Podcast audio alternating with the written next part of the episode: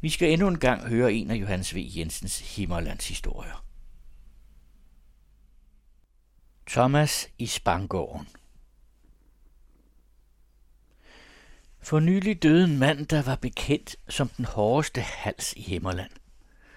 Som ung havde Thomas ry for hastighed til slagsmål. Der gik længe snak om den gang, da han sloges for Hans Nielsens Jørgine. Det var en Sankt Hans aften – Byens ungdom var forsamlet op på Møllehøjen for at brænde blus. Hver af kalen havde fået sit lam. Sådan en fast dansepartner. Et lam. P. Andersens Jesper læste listen op under stor munterhed. Paul, Søren Christians søn, fik Jørgine. Det var en skummel ordning af Jesper. Paul sad ved Jørgines side på græsvolden. Blusset brændte. Det var en tjæretønde rejst på en stage. Den flammede både indvendigt og udvendigt. Vinden trak lydeligt ind i spundshullet. Det lyste hvidglødende. Indenfor lejede de hede luer. De slog ovenud af tønden, slikkede og smældede, og røgen rullede op i mørket. I en lang række sad pigerne på en jordkant. Ilden belyste dem. Skyggerne blaffede over deres forklæder. Kalene stod i grupper og råbte og holdt kommers. Nogle sad hos pigerne og gjorde hovedet kruset på dem. Natten var dunkel og mild, fugtig af græssets dukkende grøde. Skyggerne forskød sig ned over højens sider, når kalene bevægede sig om blusset. Højen kunne komme til at se ud som et stort hjul med eger af de lange skygger, der drejede sig. En vise blev sunget, og kalen råbte hurra for de blus, der blev tændt i nabobyerne. De fandt på løjer. En af dem tog en lille dreng og kastede ham som en død ting hen i pigeflokken. De vinede, og drengen faldt i Jørgines skød. Hun klappede og trykkede ham, trods hans uvilje derimod. En kal kom op fra foden af højen med hæsblæsende fordægtighed. Han havde noget i sin hue, som Jørgine skulle se – alle pigerne skreg igen. Det var et pindsvin, der lå sammenrullet i hugen. Da man havde moret sig noget med det lille dyr, lagde kalden det til side på jorden, og der lå det som en kugle, uden at turde rulle sig op. Blusset bragede med fryd, gnister røg op, drog hen i mørket, dalede og slugtes. Der kommer en med blus, råbte drengene. Jo, temmelig langt borte var der et rødt blus, der bevægede sig mellem alle de andre rundt i byerne. Man fulgte den vandrende stjerne. Den gik øjensynlig af landevejen. Lidt efter kunne man på den vippende bevægelse se, at en bar den. Ved bivejen drejede blusset og kom op mod højen. Lidt efter lidt blev det mindre, ophørte at stråle og blev til et fast ildpunkt. Og nu så man noget af mennesket, der bar blusset. Det viste sig at være Thomas Bangård. Han havde sat et gammelt, gennembejet julenav på en greb og bar det brændende over sit hoved. Da han kom op på højen, blev han hilst velkommen. Hurra, sikke plus! råbte de. Thomas så hurtigt hen til Paul og Jørgine og smilede stramt. Han strakte sig og skød det brændende nav af i tjæretønden. Der sad flammende bag på grenene af greven, han bankede den i græsset, til ilden slugtes.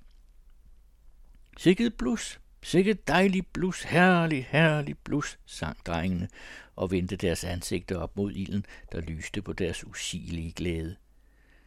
Og lyset spillede ind under pigens hovedklæde på mange fyldig mund. Efter at Thomas var kommet, forandredes tonen mellem dem alle sammen, og ingen ville længere være barnagtig. Thomas gik lige løs på Jørgine med venskabsforsikringer. Han lod hende forstå både det ene og det andet, skønt Paul sad ved siden af hende. Jørgine lå og vidste ikke, hvad hun skulle gøre sig selv. Ja, du vil ikke have den smørprins der, sagde Thomas blandt andet, og kastede hånligt med hovedet hen imod Paul. Paul sagde ingenting, men de andre kale blev stille ved det. Nu var sagen den, at Jørgine havde givet begge bejlerne anledning. Hun havde i sin vaklen kærestet snart med Thomas, snart med Paul. De var begge to gode gårdmandssønner, men i den sidste tid havde hun vist mere ud af Paul. Det mærkede Thomas også nu. Jørgine så ud, som om hun var lykkelig uvidende om næsten alting. Paul stirrede grundene ned for sig. Efter at tavsheden havde varet et minut, opslog Thomas en latter og vendte sig omkring. Båndene sprang om tønden, de brændende staver gabede fra hinanden og begyndte at falde ned. Blusset var snart udbrændt. Der blev dunkelt op på højen. Pigerne begyndte at ville hjem. Vidt ude langs den mørke synskreds var andre byers bål også ved at gå ud. De ulmede op og sank igen som øjne, der er død trætte af våge. De unge folk spredte sig. Mørket lukkede som den øde høj.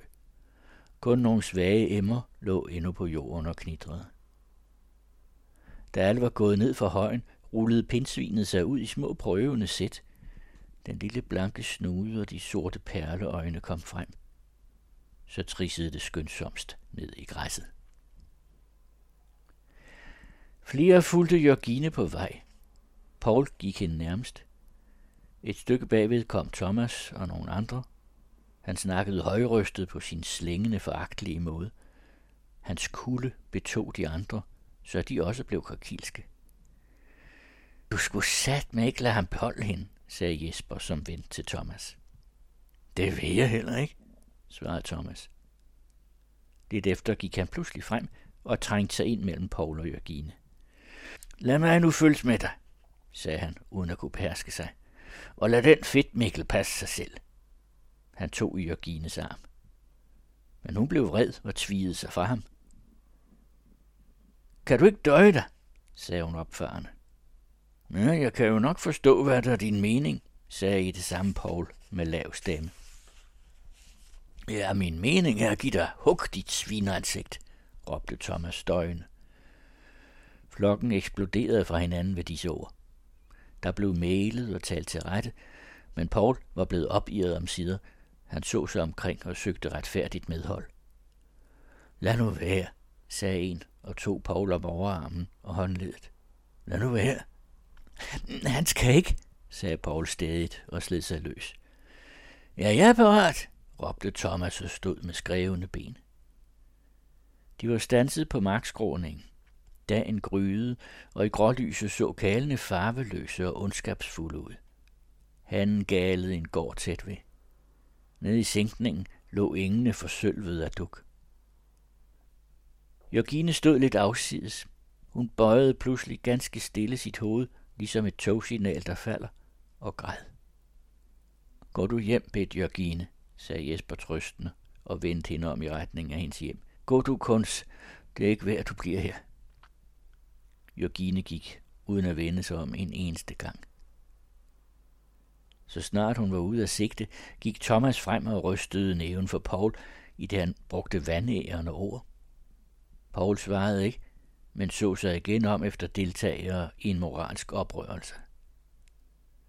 Jeg skal slå dig så flad som en tusse, råbte Thomas og mængede sig tættere ind på Paul, stod på tæerne op af ham. Paul ved endnu, men begyndte at blive stiv i ansigtet. Ja, det skal du ikke lade ham byde dig, tirrede Jesper. Men Paul kunne endnu ikke bestemme sig. Thomas gik længe rundt omkring ham og høvede og hånede ham. Først da Thomas, som et udslag af sin sidste ringeagt, tørte Paul over ansigtet med hånden og gav ham et drøjt øgenavn, bestemte Paul sig. Jeg er nu ellers ikke bange for dig, sagde han skarpt. Så, sagde Jesper og gik baglæns fra de to, i det han med udbredte arme trængte de andre med sig. Thomas og Paul begyndte efter gamle sædvane med armtaget. De greb hinanden ved det øverste af overarmene, og hver især søgte at rykke og tvinge den anden om kul. Deres anstrengelser førte ikke til voldsomme bevægelse. De flyttede sig næsten ikke af stedet, men sveden kom straks ud på panden af dem. De spændte sig begge to til det yderste, skrevede og stinnede ryggen, Benklæderne strammedes op over anklerne. Men Paul var den underlegne. Lige med et bræst fodfæstet for ham, hans ben slap ud i luften, og Thomas slog ham i jorden, så det dunkede. Under almindelige omstændigheder ville kampen nu været endt. Paul havde tabt. Men Thomas slap ham ikke. Han holdt ham nede og hoverede stønnen. det harmede Paul, der ellers havde været villig til at give sig fortabt. Han slog lapperne i Thomas, og så begyndte anden omgang, der gerne bliver blodig. Alt gik til i tavshed. Jesper stod som på nåle af interesse. Det blev Paul, som fik prylene, alle sammen. Thomas smækkede ham med knoerne på isen og bedøvede ham halvt. Han lukkede begge ender sammen på ham og gav ham tør rygpryl, lavede ham i det hele metodisk til. Men da Paul ikke kunne gøre synderlig modstand og helt holdt op dermed, fortrød Thomas lidt og gav linde. Det benyttede Paul sig af og bibragte Thomas et par slemme spark i hovedet. Da Thomas' edelmod fik så skamlig løn, steg hans onde vilje igen. Han fik nye forurettelser af hævne. Til sidst lå Paul som en klat på jorden, så gennemforslået, at han ikke kunne røre sig. Thomas sad over skrevs på ham og bearbejdede ham. Paul så op med syge øjne. Slå du kun, virrede han forpint og lagde armene fra sig langs jorden. Slå mig gerne helt ihjel med det samme. Nu du er ved det. Og Thomas slog næven i ansigtet på ham. Om sider lagde tilskuerne sig imellem. Hold nu op, sagde Jesper. Lad ham nu ligge, Thomas. Det er ikke værd længere. Thomas rejste sig nødig. Han ville gerne blive ved. Det var klar dag. Solen var stået op over engene. Nogen fulgte Paul hjem, da han fik samlet sig op. Han kunne ikke stå ene. Thomas gik hjem fuldt af Jesper. Han satte benene som en løve og skød maven ud. De skulle ellers ikke komme ham for nær de bedkale, troede han. Jesper gik og blev næsten flov over vindens skrydende ophidselse, nu da de gik der alene. Slagsmålet blev omtalt vidt og bredt, og Paul blev overbegrint for det livfuld, han havde fået. Thomas var en vilde kald. Men hvem der fik Jørgine, det blev alligevel Paul. Sådan endte det. Hun ville have ham. Efter kampen nærede hun blot agt for Thomas og kunne ikke fordrage ham. Så blev der Paul og Jørgine gift. Da ingen af dem var ældst i deres fødegård, blev de sat ind i en af udflyttergårdene nede ved åen, den der lå lige over for Spangården. De fik gæld med den, men øh, de var unge og skulle arbejde sig op. Paul og Jørgine blev lykkelige med hinanden og fik et barn årligt, mens tiden gik. Der var ingen samkvem mellem nabogårdene. Om sommeren gik folkene på hver sin side af åen og bjerget hø. De så ikke over til hverandre. Tynet kunne heller ikke forliges. Thomas Bangård slog sig på hestehandel og blev et gnavent, kortmalt menneske, som ikke var lidt af nogen. Da gården tilfaldt ham, giftede han sig. Der gik otte år, uden at de to mænd havde set hinanden en gang siden den Sankt Hans nat. Der kom Thomas Bangård en sen eftermiddag til Pauls. Han gik hastigt ind i stuen. Den var fuld af småbørn i alle størrelser. Jørgine sad og vuggede den sidstfødte. Hun sank sammen i sædet, da hun så Thomas, og stirrede angst på ham. Thomas så først på hende, siden på alle de små, og spurgte så kort efter manden. Paul kom ind. Han skulede forundret op på Thomas. Men da Spangårdsmanden fem minutter efter gik, var både Paul og Jørgine tavse. De så på hinanden og hang for mummet med hovedet. Thomas havde bragt dem opsigelse på gælden. Papirerne var i hans besiddelse. Han havde købt dem. Den sag gjorde opsigt på egen, og Thomas fik skudsmål for ondsindethed. Men han drev på, og Paul måtte sælge fra sin jord for at bjerge sig. Fra det år af gik det dårligt for Paul. Han kunne ikke klare udgifterne, og Thomas i Spangården var efter ham. Da Paul måtte gøre udveje for at betale hovedgælden, havde han foruden at sælge af jorden også måtte gøre kontante lån. Thomas prøvede at få fat i papirerne, men ejerne ville dog ikke sælge dem. Ja, ja, så anlagde Thomas proces imod naboen om fiskeretten i åen. Paul vandt processen efter to års forløb, men da havde han allerede måttet sælge det engstykke, hvorpå sagen beroede. Køberen afhændede det straks til Thomas. Det var ikke nok. Thomas udtog stævning mod Paul for et magtskælds skyld. Den sag vandt Paul også, men blev fattig derved. Paul var på denne tid en noget sygelig mand. Han havde i sit væsen denne blege sagt modighed, som vil skjule over bitterhed og halstarighed. Ær til, når nogen ynkede ham, kunne han give sig til at græde og skælde ud bagefter. Han lå atter i proces med Thomas Bangor, denne gang om ulovlig græsning på anden mands jord. Sagen var tvivlsom. Den havde stået på i et år. Sommeren over var Paul meget urolig. Dommen kunne ventes til høsten, og hvis den gik ham imod, måtte han gå fra gården. Det vidste han. Det år var det, at den store tørke faldt ind, som folk taler om endnu.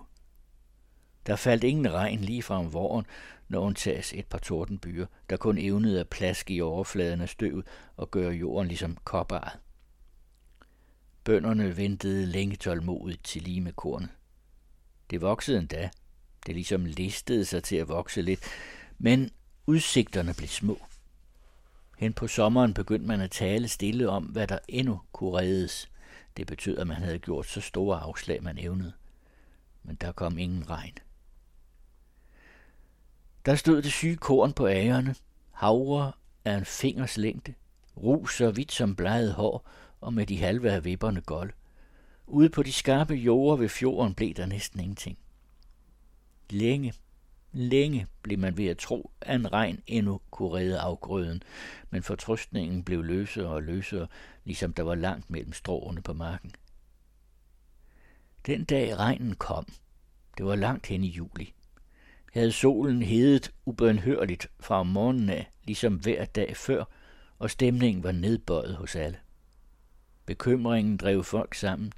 De sluttede sig til hinanden. Uden for sovnefodens hus stod en gruppe og drøftede udsigterne. De talte dæmpet, som om nogen var død. De stod tæt op ad hinanden med deres rådvilde udtryk i ansigterne. Frygt og græmmelse fik dem til at lude mere end ellers. Endnu en gang lod de øjnene løbe over himlen, men der var ingen skyer. I hvert hus lå vandhåbets feber under lofterne. Der kom sorgfulde ansigter frem bag ruderne og så opad. Hvad skulle det blive til? Det syn, der var at se, kunne få en mand til at skæmmes. Markerne lå som lange billeder på ynk og ydmygelse. Men ved middagstid kom der kulde i luften. Svære skyer drev hastigt fra vest. De kom flydende som mørke giganter med armene strakte frem foran sig. Man ville knap tro det, og da det blev til regn, kunne ingen bare sig for bevægelse. Jo, det begyndte at skylle ned. Solen skinnede i begyndelsen, og regnen kom højt op fra luften i lange, glimrende og lysskyldende strenge. Funker og gnister røg fra kornet, og over vejen stod en fin dis af vandstøv. Det regnede i solskin. Hver dråbe tindrede af lys. Og sådan var alle folks glæde. Rolige mænd for ud af dørene og råbte halløj over til naboen og sige det. Midtvejs mødtes de og blev stående i skyldregnen. Børnene, som havde været trykket af de gamle stilhed, blev ellevilde. Alt kunne blive godt endnu. Mændene gav hinanden håndslag. Nogle skjulte sig og græd eller takkede Gud. De behøvede ikke at skjule sig. Alle var stiltigende enige om at give hinanden lov til udbrud og glemte siden. Paul Sørensen var ude på sin mark, da regnen kom. Han blev uendelig glad. Hans korn kunne ikke have stået sig længere.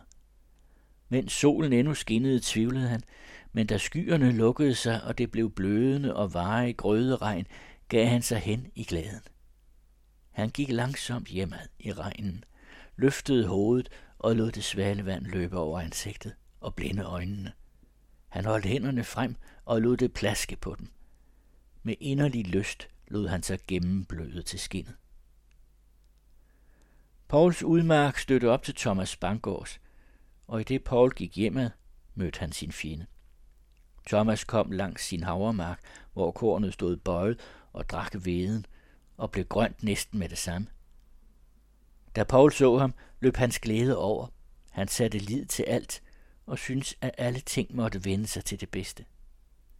Men da Paul kom ned til spangårdsmanden, vidste han ikke, hvad det var, han ville. Måske havde han kun en trang til at mødes med et menneske og dele sit håb. Paul blev stående og så på Thomas med lyse øjne og et udtryk af forlegen glæde. Thomas drejede hovedet om imod Paul og blev ved at gå i samme takt. Din skidt knægt, sagde han lavt og med intens ondskab. Tænderne blottedes, hans øjne stak af hadefuldhed. Så gik han videre. Nu først fattede Paul, at han havde ville forsone sig med Thomas. Han blev rasende. Det dirrede i ham. Han stod lidt i regnen og så efter Thomas' brede ryg, der langsomt fjernede sig, så gik han hjemad. Et stykke op på bakken brast han i gråd og dinglede afsted med kroget ryg. Om høsten faldt dommen i erstatningssagen. Paul tabte og måtte gå fra gården. Ingen kunne hjælpe ham. Han gav tabt. For ikke ligefrem at få familien på sovnet, sørgede beboerne for at skaffe Paul et hussted med lidt jord. Det var meget småt. Paul fik gå på arbejde. Men græmmelsen knækkede ham. Han var sengeliggende det meste af tiden. De ældste af børnene tjente, men der var fem måneder med det hjemme, og Jørgine ventede sig igen. Det timedes hende, Hans Nielsens datter, at hun måtte gå ud med en spand og bede gårdmændskonerne om mælk. Hun blev for Thomas Bangårds i førstningen. Men da det hente, at hun ikke fik noget andre steder, kom hun en gang til Spangården. Siden var hun der tit i beknep. Hun vidste, at Thomas ikke nægtede sig at give hende. De skænder formaninger, hun med det samme fik, tav hun til. Thomas bød hende penge en dag, da der var fremmed i stuen. Dem tog Jørgine imod og var glad for. Thomas havde kun budt hende dem i den tro, at hun ville sige nej. Men da hun nu kom af med dem, bebrejdede han hende i stærke udtryk hendes frugtbarhed. Når de var så knasfattige, så skulle hun vel gerne kunne styre sig. Skønte, henvendte han sig til sine gæster. Fattige folk havde jo ikke anden fornøjelse. Det blev grumme småt med Pauls, og om sider gik de på sovnet. Thomas havde ikke glemt dem, og da Paul døde fra ham, lagde han sig efter hans børn. Tyvdede en af sønnerne og satte ondt for de andre. Han udrettede dog ikke meget med det, fordi han var forhat mellem folk. Thomas levede i ufred med de fleste. Han førte processer med mere end en mand. Thomas var ikke bange for at gå lige ind i en gård og overfuse manden med skældsord. Han sagde hver mand grove ubehageligheder stik i synet. Hans kone og børn havde det heller ikke bedre end godt. I midlertid sad Thomas i stor velstand. Han handlede med kreaturer og snød folk, så vandet trillede af dem. Det var ham en smal bedrift at narre en husmand til en ko, som der siden viste sig at være skæbnesvang og fejler ved. Og det var bekendt, at han havde snydt sin far for aftægten, så at den gamle mand måtte ty til hos sin svigersøn og dø hos ham. Men det begav sig også underligt med Thomas Bangor, inden enden tog. Folk fik ham til at grine af. Thomas havde hostet en tid. Han gik en vinter og kom til at se ringe ud. Konen fik listet så længe ved ham, at han tog til doktor. Ja, I bønder, sagde doktor Eriksen, da han havde undersøgt Thomas. I går så længe mellem jeres køer, I får tuberkler hver anden. De har lungerne pakfulde. I kan gå hjem og lægge dem. Thomas sagde ikke stort. Han tog hjem igen og brugte medicinerne. Der kom ikke et ord af ham længe. Men hosten blev værre. Den svære mand var allerede hulet godt ud. Han kom til lægen igen og lod sig grundigt undersøge. Hvor længe kan jeg leve? spurgte han derefter barsk og så lægen i ansigtet. De kan leve et år, men hvis de vil leve fornuftigt, måske to. Ja, hvad fornuftigt? spurgte Thomas og lå hånligt. Ja, så skal de holde dem i ro. Frem for alt ingen forkølelse. Ja, så kan det være det samme, sagde Thomas og tog til hugen. Han kom hjem og var som en tordensky. Thomas havde altid været en ordentlig mand med sig selv, men dagen efter han havde været hos lægen, kørte han til krogen. Han havde allerede ondt for at gå, og kom døddrukken hjem. Det indfaldende ansigt var lige farvet, da de bar ham ind. Der stod slig respekt om manden, at de handlede med ham i største erbødighed, skønt han var bevidstløs. Thomas Spangård slog sig løs herefter, så det spurgtes. Han drak og turede i et væk. og han spiste. Han frosede Guds forgående. Nogle andre pranger bistod ham i hans levne. De holdt kostbare orkjer, hvor der blev drukket vin og spist alen lange mørbresteg. Thomas forandrede sig. Hans fremfusenhed fik et stænk af humor. Han sank og slog kortene i bordet.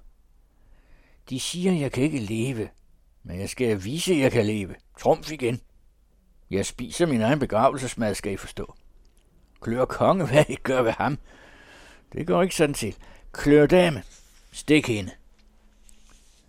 De andre kroppe lå, så de var ved at omkomme. Til den lyse dag ud og drak de som kykloper, og Thomas, han var aldeles desperat, betalte. Men da han havde soldet et år, levede han endnu. Han var blevet lasket og rødskjoldet, og kræfterne var kommet igen. Lad mig se på den, sagde dr. Eriksen med undren. Hvordan kan det gå til? De lever jo, som de var forrygt. Og doktoren undersøgte ham. Det viste sig, at Thomas Spangård var frisk som en okse. Han var virkelig kommet sig aldeles. Din radikal mand, sagde dr. Eriksen. Men nu skal jeg sige dem en ting, Thomas Bankgaard. De har gjort kuren lige så gal som solen. Inden et år styrter de af det lige om tremens. Thomas opslog et grin og kørte bort. Han var ikke gal at drikke sig for der. Han holdt også igen en tid, hvor vel det knep at komme ud af festvanen. Men det kom til at gå så løjerligt alligevel. Thomas var for langt henne. Der gik et års tid, og Thomas var jævnligt svirende. En dag kom han ud fra sovekammeret. Han var i bluseærmer, vesten spændte over den store vom. På hans ansigt kunne det ses, at han var i tvivlråd i ophidselse. Øjnene havde ikke det hårde udtryk. Her Gud, Tams, råbte konen og stirrede på ham. Thomas sagde ingenting. Lidt efter gik angstudtrykket af ham. Han gik ud i gangen, tog et seletøj og slængte det ud på brostenene. Spænd for, råbte han vredt til kalden. Thomas kørte i by og kom fuld hjem. Et par dage efter var Thomas til Gilde med sine svigervenner igen. Han holdt måde og blev ikke mere end godt anløben. På hjemturen blev han helt ædru. Han sad forbitret i vognen og knugede hånden om tømmen. Just som han rejste hovedet, så han en mand i Voldstrup. Byen lå halvanden mil borte. En uhyre stor mand, der bøjede sig og gav sig til at rulle landskabet op ligesom et tæppe. Han hjalp til med fødderne, rullede markerne vel sammen med huset, gårde og træer indeni. Bag ved ham blev der en grå flade. Da han havde rullet lidt, gik han et par mil længere hen og begyndte at rulle landet sammen der. Solen skinnede på hans sorte uldhoved. Thomas så lidt på den forestilling. Så smilede han vantro. Hold nu bi, sagde han lavt og halvt leende. Men i det samme var manden væk. Thomas sad lidt. Det lysnede i hans ansigt. Han fortrak munden hæftigt og slog løs på hestene. Mens det gik hjemad i skarp fart, var Thomas meget urolig. Han skrove hen og rystede. Da han kørte ned ad bakken til Spangården, og det stærke lufttryk kom mod hans ansigt, så han pludselig, at noget mørkt som et sjæl flagrede op et stykke frem på vejen og kom imod ham. Det nåede ham i et nu, og fløj ham lige i snuden. Det slog som en stålstang mod en sten. Så syngende skarpt, at hans hoved sprang som et æg. Thomas Bangård faldt baglæns over i vognen. Hestene kom løbende ind i gården af sig selv. De søgte hen til vandtroet, og da kalen løb til, så han, at Thomas lå på bunden af vognen. Thomas Bangård havde delirium. Folk grinte og sagde, at den skydes ej som hængskal. Men Thomas kom på benene endnu en gang. Så længe anfaldet stod på, måtte der seks mand til at holde ham. Han var ikke let at tage pipet af. Da han kom sig, var han en tid meget stille og omgængelig. Han stred for at lade være. Han mistede sin appetit og blev slunken ved afholdelse. Men da det en dag brast for ham, gik han vildt nedad. Han rasede som en olmstud, der smadrer vognen, bryder lugt gennem et spontægt tørvehus og til sidst bliver stikkende lemlæstet i en stor tæt hyldebusk, som man må fælde for at få kødet. Thomas øgte en mængde penge. Den sidste dag, han var på fod, smed han 1200 kroner hen. Det var en skamlig komme til. Han havde været i Salling med en hængst og havde fået pengene. På hjemturen blev han tåbelig i færgen. Lad mig komme til ro, forlangte han pludselig med fordrejede øjne og ravede over tofterne. Der var klokken ti om formiddagen. Nej, sagde Laust, den ene af færgekalene. Det kan der ikke gives lov til. Thomas grevede over den sidste tofte og greb Laust i struben. Laust sad under den svære åre og kunne ikke rejse sig, men han slog sig bagover og slap fri. O du, Kristen, råbte han til kammeraten foran. Så satte han over toften og om livet på Thomas. Thomas slog ham i bunden af prammen, så den skvulpede, men Laust var også en negl. Han tog igen, og de brødes med voldsomhed. Ved et tag i ryggen sled Thomas pludselig Lausts islandske trøje over hovedet på ham, og ville med det samme vride ham over reglingen ud i fjorden. Men nu slap kristen årene og kom til hjælp. Færgen drev af. Der var stærk strøm i sundet. De to brede færgekale fik deres strid med Thomas. Han skrålede og gjorde sig til. De baksede med ham i en halv time, til de drev af sved. I midlertid førtes færgen ned forbi fiskerlejet, hvorfra der kom hjælp ud. Fire mand holdt Thomas som en gris. Han frodede for munden og gispede tungt. Alligevel faldt han lidt til ro og gik skikkelig i land. Inde i færgekrogen krævede han drikkevarer, og da de ikke ville skænke for ham, rejste han sig rasende op for at gøre ulykker.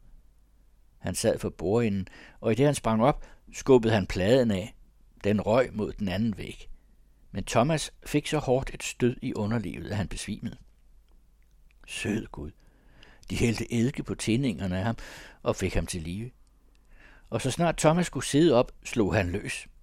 Inden de kunne få hold på ham, bersærkede han og ryddede stuen. Han splindrede alt derinde. Klokken var to om eftermiddagen, da de endelig med livsfare fik ham overmandet. Nu bandt de ham og kørte ham hjem. Da de bar ham ind, løftede Thomas sine sammenbundne fødder og stemmede dørkarmen ind, så kalken togede om den. Han rasede til aften. Så faldt en døs over ham, der varede et par dage.